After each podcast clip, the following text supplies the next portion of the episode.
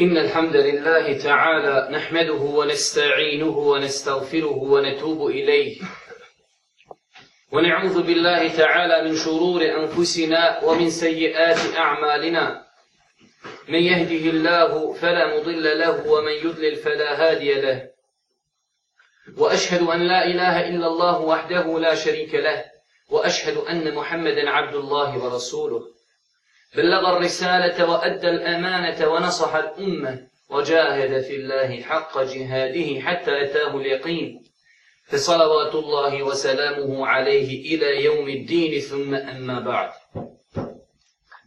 زيست سفاكا زاهولا بريبادا أزوشن الله سبحانه وتعالى دونسي مصلوات السلام نبوسلنك الله قسلنيك الله ميلنك محمد عليه السلام njegovu porodicu, časne ashabe i sve one koji ih slijedi na putu istine do sudnjega dana. Kao što ste čuli, naziv večerašnjih predavanja je problem svjetsko-ekonomske krize gledano kroz prizmu islama. Na samom početku treba spomenuti nekoliko činjenica.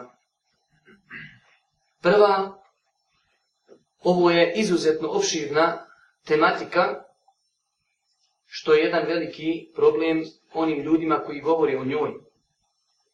S druge strane, ova tematika se može gledati iz više uglova i različitih aspekata, što je opet dodatni problem onima koji govore o ovoj tematici. Mi ćemo večeras uz Allahu subhanahu wa ta'ala pomoć govoriti o ovoj tematici kroz prizmu vjeri Islama. Na samom početku, cijenjena braćo i poštovani sestre, treba kazati da bi čovjek vjernik koji vjeruje Allah subhanahu wa ta'ala i sudnji dan trebao da pomno prati šta se to dešava oko njega, i da iz svega toga uzme pouke i poruke za svoj svakodnevni život. Uzvišen je Allah te barake wa ta'ala u svojoj časnoj i plemenitoj knjizi na više od deset mjesta preporučuje ili naređuje da ljudi putuju po svijetu. Normalno ne da idu u neum, na more, već da idu po svijetu kako bi vidjeli kako su završili prijašnji narodi, kako bi uzeli pouku i poruku. Mi danas možemo uzeti pouku i poruku i saznati šta se to dešava negdje daleko bez da putujemo. To je Allah subhanahu wa ta'ala milost prema nama. Kaže Allah subhanahu wa ta'ala u suri Mu'min Evo lem jesiru fil ard fe janvuru kejfe kane aqibetu ledine kanu min qablihim kanu ašedde minhum. Kaže uzvišeni Allah subhanahu wa ta'ala, zašto oni ne putuju po svijetu? Pa da vide kako su završili oni koji su bili prije njih. A oni su, kaže, bili jači od njih. O asalom fil ard. I više su znamenja iza sebe ostavili. Ali poslušajte kraj ajeta. Fe ehadehumullahu bi zunubihim. وَمَا كَانَ لَهُمْ مِنَ اللَّهِ مِنْ وَحُ Ali ih je Allah kaznio zbog njihovih grijeha. I oni kaže, nisu nikakvog utočišta mogli naći od Allahove kazni. Niko ih nije mogao spasiti od Allahove kazni. Zašto ljudi ne putuju pa da vide, da uzmu povuku i poruku za svoj svakodnevni život? Svakako, braćo, moja draga i cijenine sestre, da bi mu'min, vjernik, Treba u svim ovim dešavanjima da postavi sebi neka pitanja, pa da kaže šta se tu sve dešava? Postoje li uzroci? Da li ta dešavanja nosi sa sobom samo negativnosti ili ima tu i pozitivnosti? I na kraju, da li ja imam nekog udjela u svemu tome pozitivno i negativno? I mnogo drugih pitanja bi mu trebao da postavi sebi. Praću moja draga i ciljini sestre, čovjek vjernik, mu'min. Trebao bi da za svog lidera, uzora u svakodnevnom životu, uzme Allah poslanika, ali i salatu wasalam, ali potpuno u svakom segmentu svoga života. Jedna od stvari o kojoj zasigurno malo ljudi razmišlja da je i to sumnet, jeste i to da čovjek, vjernik, mu'min koristi događaje, dešavanja koja se dešavaju, da bi to iskoristio kako bi ljudima pojasnio vjeru. Da li smo razmišljali o tome da je i to sunnet, da čovjek iskoristi dešavanja kako bi ljudima pojasnio propisa Allahovi subhanahu wa ta'ala vjeri. Ako pogledamo u život Allahog poslanika alihi salatu wasalam, vidjet ćemo da je prepun, prepun primjera koji ukazuju da Allahog poslanika alihi salatu wasalam reagirao na određeni događaj i dešavanja koja su se desila pred njim i ljudima je iskoristio tu situaciju da pojasni određene propise. Primjera je više nego mnogo. Spomenut ćemo samo neke od njih. Svima vama je poznato najprimjer kada su Allahom poslaniku dovedeni robovi, roblje. Među njima je bila jedna žena koja je pogledom tražila svoje dijete. Pa kada ga je našla, uzila je to svoje dijete i prigrli ga pregrbila ga je. Kaže Allah poslanik, iskoristavajući taj događaj, a želijeći da pojasni asabima veličinu Allahovi milosti prema robovima, pa kaže, mislite li da bi ova žena bacila svoje dijete u vatru? Kažu Allah poslaniće, ne bi sigurno ako bi mogla to izvjeći. Kaže Allah poslanik, la Allahu arhamu, bi ibadihi min hadihi li waladiha. Allah je više milosti prema svojim robovima od ove žene i njene milosti prema svome djetetu. Hadis su zabilježili Buharija i Muslim. Ili drugi primjer, Allah poslanik sedi u džami, dolazi čovjek i klanja, ali brzo klanja. Slično onom našem namazu kojeg mi klanjamo u džamijama i kod kući. Pa kaže Allahu poslanik, kada je došao Allahu poslaniku i poselamio se, kaže Allahu poslanik, irđa fe salli fe inneke lem tu salli. Vrati se i klanjaj ti, nisi klanjao. Pa ga je tako Allahu poslanik tri puta vratio. Kaže nakon toga ovaj ashab plemeni ti, Allahu poslaniće, tako ti onoga koji te poslao sa istinom, ja ne znam drugačije, pouduči me. Pa kaže Allahu poslanik, ali i salatu wasalam, kada tjedneš klanjati, donesi početni tekbir. Prouči od Kur'ana ono što ti je najlakše, zatim otiđi na ruku dok se potpuno smiriš. Pa se vrati sa rukua na kijam, pa se potpuno smiri. Pa otiđi na seždu pa se potpuno smiri i tako dok nije završio namaz. Taj hadis je jedno temeljno pravilo, jedan veliki hadis u poglavlju namaza. Nešto neizbježno u poglavlju namaza, kojeg je Allah, poslanik, izrekao kada? Kada se nešto, nešto desilo, u njegovoj blizini. I zadnji primjer, iako je primjera kazali smo mnogo, kada dolazi ashab Allahom poslaniku i kaže Allahu poslaniće, dozvoli, dozvoli mi da činim zinaluk. Događaj. Kaže Allahu poslanik alihi salatu wasalam, a bili ti bio zadovoljan da neko čini zinaluk sa tvojom majkom, ili sa tvojom sestrom, ili sa tvojom tetkom? Ne Allahu posliče, kako? Pa kaži. Pa i to, te osobe s kime bi ti činio zinaluk, i to je nečija majka, i to je nečija sestra, i to je nečija tetka. Kaži, ashab, prije nego što sam sreo Allahu poslanika, to mi je bila najdraža stvar. Ali mi je nakon toga postala najodvratnija i najdraža stvar.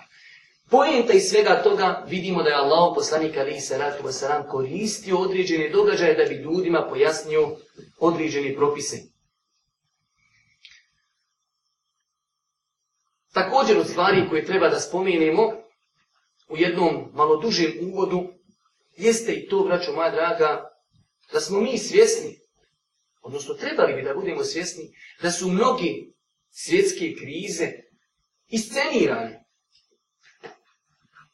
Iscenirane od strani milionera i bankara kako bi se povećao njihov imetak, a kako bi se povećala s druge strane djeda, Ne bi sada da analiziramo koja svjetska kriza je onaj iscenirana, koja nije, ali lično mislim da ova svjetska kriza nije iscenirana na osnovu onoga što čujemo o njoj.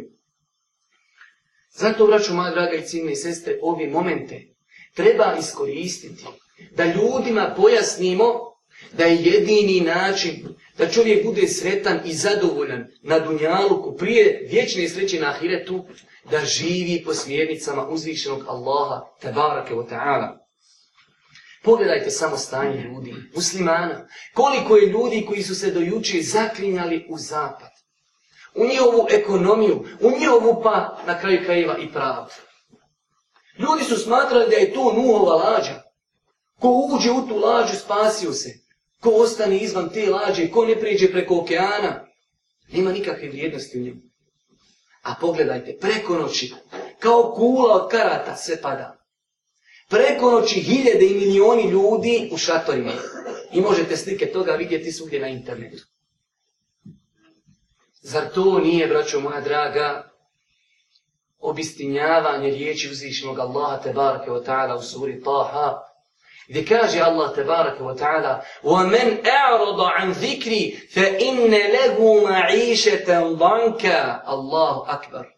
Onaj ko okrine glavu od knjige moje, što obuhvata i muslimane i nemuslimane, ajte opći karaktera, ko okrine glavu od knjige moje, taj će teškim, riječ danka, teškim, bjednim, siromašnim, životom živjeti. I muslimani i nevjernici, kada okrenu glavu od Allahove knjige, živjet će teškim životom.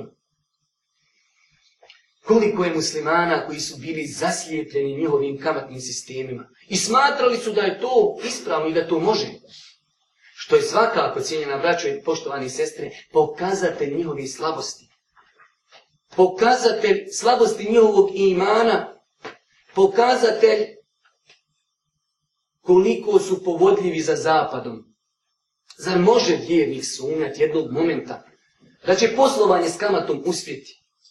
Zar može vjernik jednog momenta sumnjati da država koja posluje na principu kamate, da tu ima prosperiteta? Nakon što čujemo dokaze koji govori o zabrani kamati, nakon što znamo da Allah Đelešanu nije propisao propise da bi se ljudi igrali sa njima, ne, ne. Allah je propisao, braćo moja draga i ciljne sestre, propise da se živi po tome. Stvari koje je naredio moraju se činiti, a ono što je zabranio treba ostaviti. I nakon što znamo da Allah neprestano vidi i čuje, makar u određenim momentima Allah pustio zalimima i nasilnicima da malo očefi. Pa mi pomislimo kada će već jednom Allahova pravda doći doći će, braću moje drage. Samo treba sabura i treba čekati.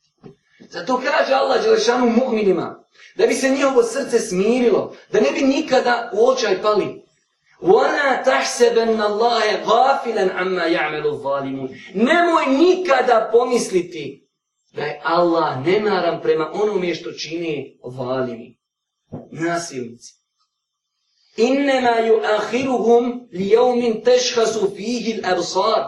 Ali oni odgađa do momenta kada će im se, kaže, pogledi ukočiti. Padaju berze, ukočen pogled, u šatore, tsunami, Katarina i ostali, ukočeni pogledi. Dolazi Allahovo obećanje. I nemaju ahiruhum li jaumin teškasu fihil absar ali ih ostavlja do dana kada će se ukočiti pogledi. Zato kažemo, braćo moja draga, Islam, Islam je vjera koja strogo, strogo zabranjuje poslovanje kamatom. Poslovanje kamatom je jedan od najvećih grijeha. Do te mjeri da uzmete musa od prve stranice do zadnje, nećete naći grijeh da Allah tako prijeti njegovom počinjivcu kao što je to slučaj sa Kantom. Kaže uzvišeni Allah subhanahu wa ta'ala, poslušajte ove ajete. Ja ijuhal ladine amenu takullah, wa dharu ma beqije, ma beqije minad riba in kuntum mu'minin. Fa illam taf'alu fa'zanu bi harbin min Allahi wa rasuli. O vjernici, poslušajte, koga Allah doziva u ovom ajetu? Vjernike. O vjernici, bojte se Allaha I od ostatka kamate odustanite ako ste mu'mini. A ako ne učinite, eto vam onda rata od Allaha i njegova poslanika. Allah akbar. Eto vam onda rata od Allaha i njegova poslanika. Pogledajte neke samo koristi iz ovih ajeta. Koga Allah doziva u početku ovog ajeta? Ja, ejuhele, vine, amenu. O, vi koji vjerujete. Čovjek vjeruje, klanja, postin, daje zekija, ide nađ i počne poslovati s kamatom, odjavljuje mu se rat od Allaha. A vjernik, zamislite onda kako su preči da im se objavi rat od Allaha oni koji ne vjeruju Allaha. Ako je Allah spreman da objavi rat, onom je ko vjeruje i ko je pokoran, ali samo u danatom momentu izišao iz okvira vjere, Allah mu objavljuje rat. Allahu akbar. Na kraju ovog ajeta kaže Allah Đelšanu in kuntum mu'minin. Ostavite kamatu ako ste vjernici. Šta to znači? To znači da iskren mu'mini vjernik neće sebi dozvoliti da postoji kamatu. I to nije svojstveno mu'minima i čestitim vjernicima. In kuntum mu'min. Ako ste vjernici, vi ćete to ostaviti. I na kraju uzvišen je Allah subhanahu wa ta'ala, znači dolazi sa ovom teškom prijetnjom gdje kaže, a ako to ne učinite, eto vam onda rata od Allaha subhanahu wa ta'ala. Ne postoji takva prijetnja u Kur'anu ni za jedan drugi grijeh kao što postoji za ovaj grijeh. I da li nakon ovog ajeta čovjek treba da bude iznenađen kada se desi svjetska kriza? Nijednog momenta mu'mina to ne iznenađuje. To je samo ono što je on očekivao, kao što kažu određeni učenjaci današnjeg vremena, muslimani već 1400 godina znaju za ovu krizu. Nije da znaju gajbu, ali znaju kogod da postoje sa kamatom, da je pitanje dana samo kada će se to sve srušiti. Na istoj ovoj stranici u suri Al-Baqara 47. stranica, početak stranice, Allah Đelešanu počne kur'anski ajta pa kaže Al-ladhine je'kulune riba, la yakumune illa kema yakumu alladhi yatahabbatuhu shaytanu min al-mes. Poslušajte.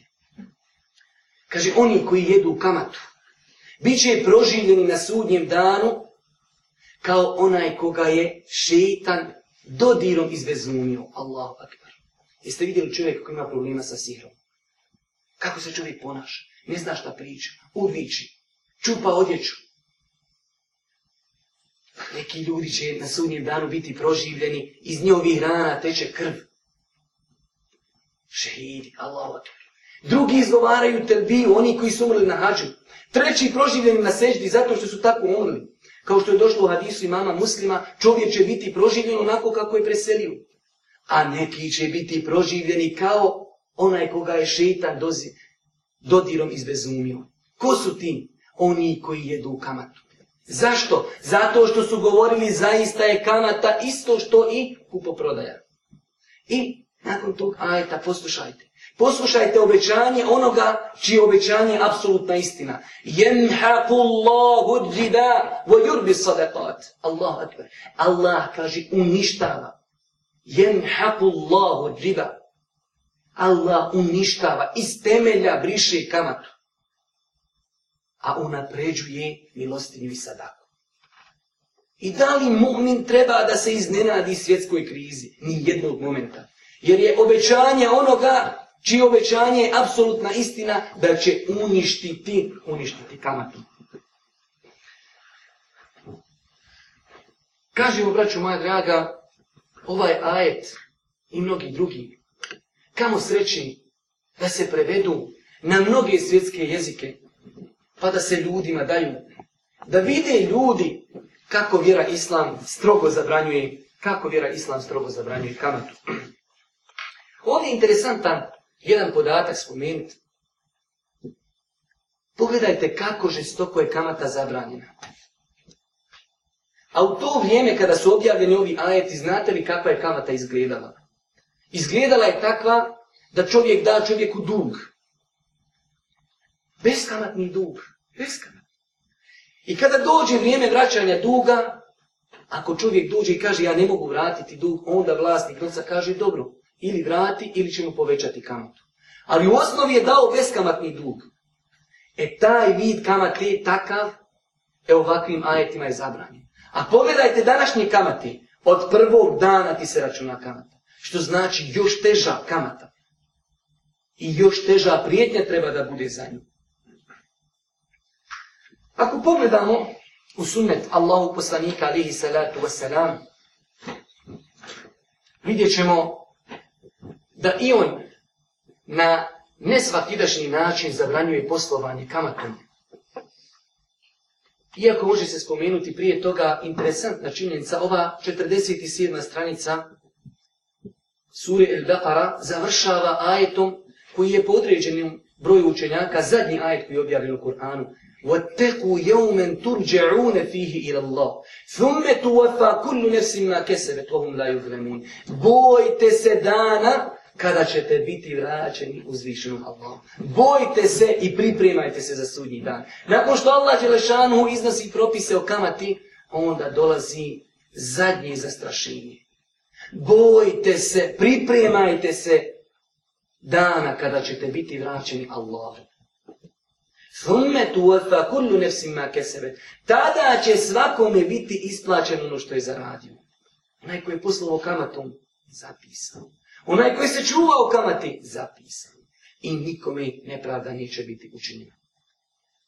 Kažem, ako pogledamo sunet Allahog poslanika, ali i salatu usalam, vidjet ćemo također mnogo hadisa koji ukazuju koliko je štetno poslovanje kamatom. Jer, braćo moja draga i ciljni sestre, mora da znamo i da uzmemo jedno veliko pravilo. Islam je toliko savršena vjera da nije ostavio niti jednu stvar u kojoj ima korist za insana kao pojedinca ili za društvo, a da mu nije ukazao na tu stvar. A s druge strane, ne postoji ništa što šteti društvu ili pojedincu, a da mu islam to nije zabranio. Allahu poslanik alaihi salatu wasalam izrekao je mnoge hadise o kamati. Jedan od njih je hadis koji su zabilježili Buharija i Muslim. Ičtenibu seba El mu biqat. Ostavite se, ali pazite ova riječ, iđi teni bu arafkom, kada učeš nekom je kazati ostavi, kažeš mu utruk i on ostavi. Ali iđi teni bu, to nema nikakve teorije da se smiješ tome približiti. Nikako, iđi teni bu, ostavite. Daleko od vas da budi, ostavite se sedam grija. Ali kako je Allah poslanik naziva? Mu biqat, oni koji uništavaju njihove počinjuce. Ko se oda ovim grijesima, oni će ga uništiti. Pa počinje Allah poslanik pa kaže širk na prvom mjestu. Drugu, sihr. Treći, bespravno ubijstvo. I četvrtu, kanata. Grije koji će uništiti onoga koga bude činio. Tu su riječi onoga koji ne govori po hiru svome. I danas nas čudi zašto se dešava ova svjetska kriza. Nema potrebi da nas čudi, braćo moja draga. Također, Od hadisa koji izrekao Allah poslanik alaihi salatu wasalam, jeste hadis koji je zabilježio ima muslimu Džabira radijallahu ta'ala anhu, gdje kaže Džabir, le'ane Rasulullahi sallallahu alaihi wasallam akila riba, wa mukilahu, wa katibahu, wa šahidehi.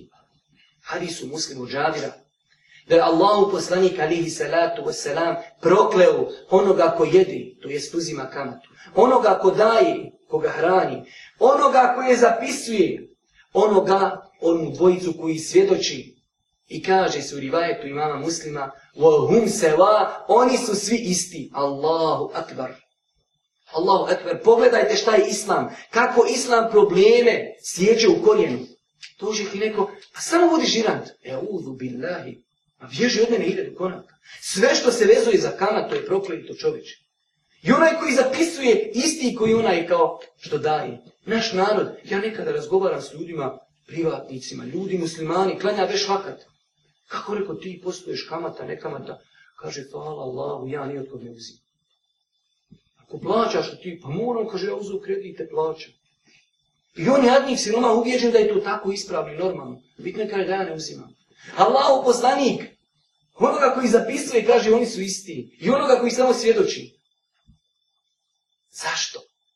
Zbog negativnosti koji nosi kamata sa sobom po čovjeka i po društvo. Zato Islam taj problem u korijenu sasjeca. Ne dozvoljava mu uopšte da kreni. Zbog negativnosti, braću moja draga i cijeli sestri. Kako očekivati prosperitet od društva u kojem je većina ljudi prokleta na jeziku Allahog poslanika alaihi salatu wasalamu? Prosperitet u našoj državi. Kažu ljudi, ne možeš sastaviti kraj s krajem. Pa kako ćeš sastaviti, draga? Iz jednog kredita iziđeš, u drugi uđeš. Ili si žirant, ili svjedočiš, ili potpisuješ. Uvijek. Na takve stvari možemo samo odgovoriti hadisom koji je zabilježio imam Ebu Ja'ala sa dobrim lancem prenosilaca kao što je to potvrdio Šiha Dani Rahmetullahi Alihi. Od Ebu Musa il Eš'ari radi Allahu ta'ala anu gdje kaže, poslušajte ovaj hadis, Allahu akbar. Kaže Allahu poslanik, ma zahara fil qavmi, el zina wa riba, illa ahallu bi enfusihim iqad Allah, Allahu akbar. Kaže Allahu poslanik, neće se pojaviti u jednom narodu prostitucija i kamata, a da oni nisu otvorili sebi vrata Allahove kazni. Braćo moja draga, između nas i Allah više nema zastora što se tiče kazni svakog momenta može nastupiti ovom narodu kazna. Kao što je nastupila preko okeana. Čak muslimani su nekada prioritetni da budu kažnjeni, jer oni znaju. Oni su ti koje Allah doziva u onom kuranskom ajetu. Između nas i našeg društva nema zastora više. Ehallu, Učinili su sebi halal Allahovu kaznu. Znači, gotovo svakog momenta može doći Allahova kazna. I na kraju zadnji hadis. A njih je dosta. Hadis od Abdullaha ibn Hanzale radi Allahu ta'ala anhu. Gdje kaže Allah u poslanika alihi salatu wasalam, hadis, vallahi, vallahi je dovoljen mu'minu da nikada usnu svome ne pomisli da radi s kamatom prve generacije, toliko su se čuvale grijeha, da usnu nisu htjeli da razmišljaju o grijesima. Bilo je pobožnjaka, mislim da je Ibn Sirin kazao, nikada nisam pogledao ženu, pa čak ni usnu. Kaže, ja usnu obaram pogled. Allahu ekber. E to je mu'min, koji neće usnu da pomisli da uradi grijeh. Čovjek kada čuje ovaj hadis, nije će pomisliti da pristupi kamati. Kaže Allah u poslanik alihi salatu wasalam u hadisu koji je zabilio živan Ahmed i da kutni dirhemu riba je'kuluhu ređulu wa huwa ja'lan ešeddu min sittetin wa thalathine zinje. Jedan srebrenjak, samo jedan srebrenjak, kamat je da čovjek pojedi, a on zna da je to kamata, teži je i gori od 36 počinjenih bludova iz inaluka ili kako god hoćete. Vi znate kako šerijat zabranjuje prostituciju i kakve kazne su šerijatom propisane za prostituciju. A u ovom hadisu koji je vjerodostojan kaže Allah poslanik samo jedan dirhem, srebrenjak, da pojedeš, a da znaš da je to kamata, gore je nego da učineš 36 puta prostituciju. I onda dođe čovjek koji ne zna faktički šta kvari abdest i počne pričati kako se može uzimati kredit u kojem ima kamati. Pitanja na koja bi Omer sakupio učesnike Bedra da da odgovor na njih, a ljudi u svojoj slabosti, pa u slabosti onih koji pitaju i u njihovoj polepi za imjetkom i u njihovoj želi da slijede zapad, pokušavaju te kredite umotati u celofan islama. Pa kažu, dozvolila je neka ulema. Prvo ne znaju uvjete koje je postavila ta ulema, a druga stvar, i sama činjenica dok je to dozvolila ulema, diskutabilno pitanje. Ali se ljudi izuzetno olako usuđuju govoriti o kamati. A jeste vidjeli dokaze koji govori o zabrani kamati? Braćo moja draga, također od stvari koji želim večera spomenuti, jeste i stvar. Čovjek vjernik treba da zna da vjera islam nije vjera džanije samo. Da, jeste od islama da čovjek klanja i da posti i žena da bude pokrivena. Ali su to samo segmenti islama. Čovjek treba da privati islam kao cijelokupan sistem života, I islam nije ostavio ni najsitniju stvar, a da nam je nije precizirao i definisao. Naročito ako su pitanje stvari koje štete društvu i pojedincima. To je ono društvo koje se od nas očekuje. To je ono društvo koje nam je naredio i propisao uzvišeni Allah koji nas je stvorio. Pogledajte zapadnječko društvo. Je li to društvo odgovara čovjekovoj prirodi? Jer čovjek ima svoju prirodu, nešto što mu odgovara. Pogledajte to društvo koje je podijeljeno u bogati i siromašni. Bogati su kao komarci, samo piju krv od siromašni. Čovjek umiri, ali ne da vraća kredit, već samo vraća kamate. On ne može pomisliti da vrati kredit, on vraća kamate. A ovaj u foteli koji mu je dao novac sjedi bezbrižnik. To je zapadnječko društvo za kojim žudi svaki bošnjak i bošnjakinja. Ne baš svaki, ali velik broj njih. Ljudi nisu svjesni da kada se upuštaju ta poslovanja, da zadaju tom društvu u kojem žive smrtonosni, no kao tudarce. Režu granu na kojoj sjedi. Nisu svjesni toga. Ljudi nisu svjesni kakve probleme kamata nosi sa sobom. A pogledajte, pogledajte što nam Islam naređuje, kako bi islamsko društvo trebalo da budi. Da se pazi siromasi, hudovice, jetini. Da čovjek voli vratu muslimanu ono što voli sebi. To mi nas uči vjera Islam. Vjera Islam nas uči da budemo milostivi prema ljudima koji su razumni. I više od toga, uči nas da budemo milostivi prema životinjama. I zbog životinji možeš zaslužiti džehennem ili džennet. A gdje je od toga zapadno društvo? U kojem ljudi gledaju kako umiru. Ali ništa. Niko se ne pomira. Allah poslanik Ali Saratu Wasalam kada upisuje islamsko društvo kaže El mu'minu lil mu'mini kel bunjan. Je šuddu ba'du ba'da. Mu'mini su, primjer mu'mina je kao primjer građevini. Vidjeli ste kako kada se gradi građevina? Ne stavljaju se cigle jedna na drugu, već se stavljaju dvije, pa jedna poveže te dvije cigle. E tako mu, društvo mu'mina povezano. Jedni se s drugima suosjećaju. To je ono o čemu nas uči islam. Da li mi to prakticiramo, to je druga stvar. Kaže Allah poslanik Ali Salatu Vesanom vjerodostojno hadisu, primjer mu'mina je kao primjer tijela. Kada oboli jedan organ, ostali organi se odazivaju nesanicom i temperaturom. Savolite nokat. Nožni nokat. Gore temperatura. Kakve veze ima glava i dole nožni prst? Ima. Cijelina. Tako muslimani trebaju da se suosjećaju jedni s drugima. To mi nas, braćo moja draga, uči islam. Konkretno kada govorimo o kamati, islam je preporučio mnogo alternativa i preventiva i alternativa.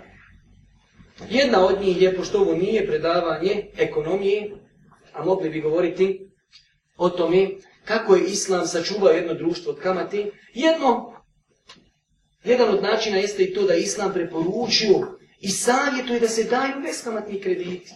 I zato nagrađuje, kaže su Adisu ibn Mađi, koji ga zabilježio, imam ibn Mađi sa dobrim lancem prenosilaca, da je rekao Allahu poslanik, koji god mu'min, musliman, da drugom muslimanu dva puta pozajmicu, kao da mu je jednom dao sadaku.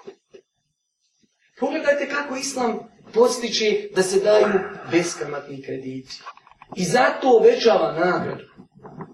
Postoje mnogi drugi način. S druge strane, braćo moja draga, nakon što smo vidjeli da islam preporučuje podpomaganje, islam strogo zabranjuje nepravdu, bez obzira od koga dolazila, od muslimana ili od nevjednika. I nepravda ne može uspjeti u islamu. Zato kaže Allah Đelešanu upozoravajući mu'mine da se ne prepuste svojim osjećajima, pa nekoga ako mrzi da mu učini nepravdu. وَلَا يَجْرِمَنَّكُمْ شَنَعَانُ قَوْمٍ عَلَا أَلَّا تَعْدِلُوا اِعْدِلُوا Nemoj da vas mržnja koju osjećate prema nekome navede da budete nepravedni. Budite pravedni, to je bliže bogobojaznosti. Mrziš nevjernika, što je logika. Ali ako dođe i nešto traži od tebe, ne smiješ biti nepravedan zabranjeno. Allahu poslanik Ali Salatu Wasalam kada šalje Muad ibn Džebela u Jemen, daje mu smjernice kako da pozivate ljude. Pa kaže, pozovi u Teuhid, pa pojasni namaz, pa zekijat. Pa kaže, uzmi od zekijata središnji metak, ni najbolji, ni najlošiji. Ali onda kaže na kraju, وَتَقِي دَعْوَةَ الْمَظْنُومِ Boj se dove maznuma, Do, boji se dobije onoga kom je nepravda učinjena. Između njega, kaže, i Allaha nema zastora. Pa makar, kao što kažu islamski učenjaci, ta osoba bila nevjernik. Ako nevjernik učiniš nepravdu, i on podigne svoje ruke gospodaru, očekuj, očekuj, da će te brzo zadesiti kazna od Allaha subhanahu wa ta'ala. I zadnja stvar, braćo moja draga i cijeni sestre, koju ćemo spomenuti, iako je mnogo toga što bi želio da spomenim, ali bojim se da sam već odužio, a dosta puta sam kritikovan zbog tih svojih drugih predavanja, jako on ta meni interesantno, pa reku i svima ostalima. Kamata, braćo moje draga i cijenije sestre, kao što su kazali, zapadnjački ekonomisti nosi sa sobom mnoge štetnosti po jedno društvo. Između ostali, ne možemo ih detaljno i temeljito spominjati, ali kamata uzrokuje nezaposlenost u jednom društvu. Povećanje cijena i obstruira korisna ulaganja. Jedan njemački ekonomista napisao je rad koji je predložen za Nobelovu nagradu, u kojem rezimira i kaže ne može uspjeti društvo u kojem se postoji s kamatom. I kaže ne može uspjeti društvo u kojem su porezi veći od 2%. A to je naš zekijat, u nas je 2,5%. I kada su njemu kazali, pa dobro ti to što si kazao, to ima u islamu. To islam naređuje, nema kamate i dva posto.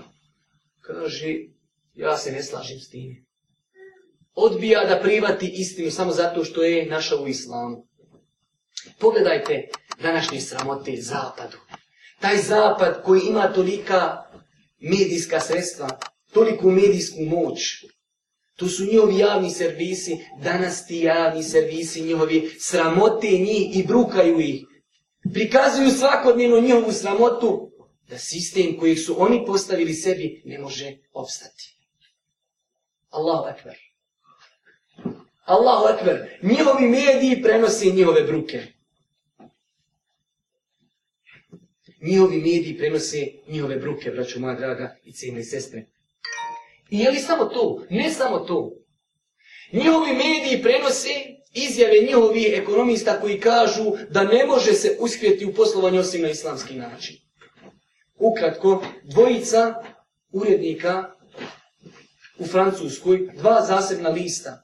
Jedan od njih u uvodnoj riječi, u broju časopisa koji izašao, u septembru, 11. septembra, naslovio je naslov u svome uvodnoj riječi, kaže čega smo potrebni, pape ili Kur'ana? Naslov. I onda dole kaže da smo mi, kaže, čitali Kur'an, ne bi nam se desilo ono što smo, kaže, doživjeli sada. A drugi urednik također u uvodničnoj riječi kaže došlo je vrijeme da se prakticiraju principi islama. Obo dvojica kršćani. I to nam mi ovi mediji sada prenosi. Zar to nije bruka i sramota? Normalno ova ekonomska kriza sigurno će negativno, kada gledamo s materijalnog aspekta, negativno djelovati i ostavit će mnogo negativnih posljedica na svijet. Ali, braćo moja draga, mi kao muslimani imamo nešto što nema niko drugi, a to je da od najnegativnijih stvari možemo očekivati hajr. Imao bi o tome mnogo pričati. Sjećate se slučaja kada je Allah poslanik tek počeo pozivati u islam. Pa su nevjernici dogovorili se da svakom hađi koji dođe u neku kažu pazi se Mohameda. To je sihribaz. Želići da upozori na Mohameda, oni su postakli ljude da idu pitati ko je Mohamed. Tako vidjeli ste u Safu. 28 miliona CD-ova oštampani sa filmom koji govori protiv islama. Nemojte misliti da ti filmovi neće ostaviti i pozitivno praga na one ljude koji gledaju te filmove. Tako, vraću moja draga, i ovaj problem, sigurno materijalno gledajući, on je negativan. Ali, vraću moja draga, on nosi u sebi pozitivnost, a to je, ljudi će shvatiti da sistem zapada nije dobar sistem da se ne može onako živjeti. Svatići je da im ne preostaje ništa drugo osim islamski način življenja.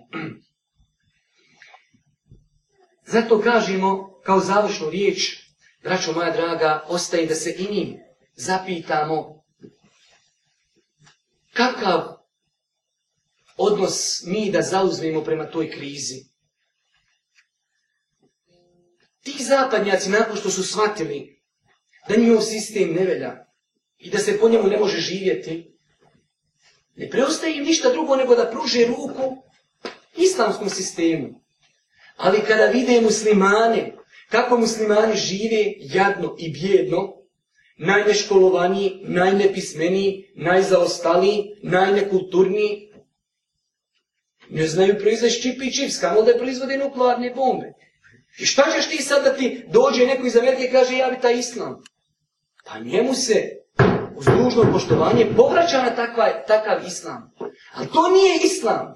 To je samo naše manifestovanje islama i prezentiranje. Zato kažem, treba da zna svaki mukmin i da očekuje da može biti pitan kako je prezentirao islam. Da on ne bude razlog da neko kaže ja neću islam jer je islam takav. Mi danas što bi ponudili zapadu nešto, šta ćemo im ponuditi? Pa muslimanska društva posluju kamatom kao i zapadnjačka.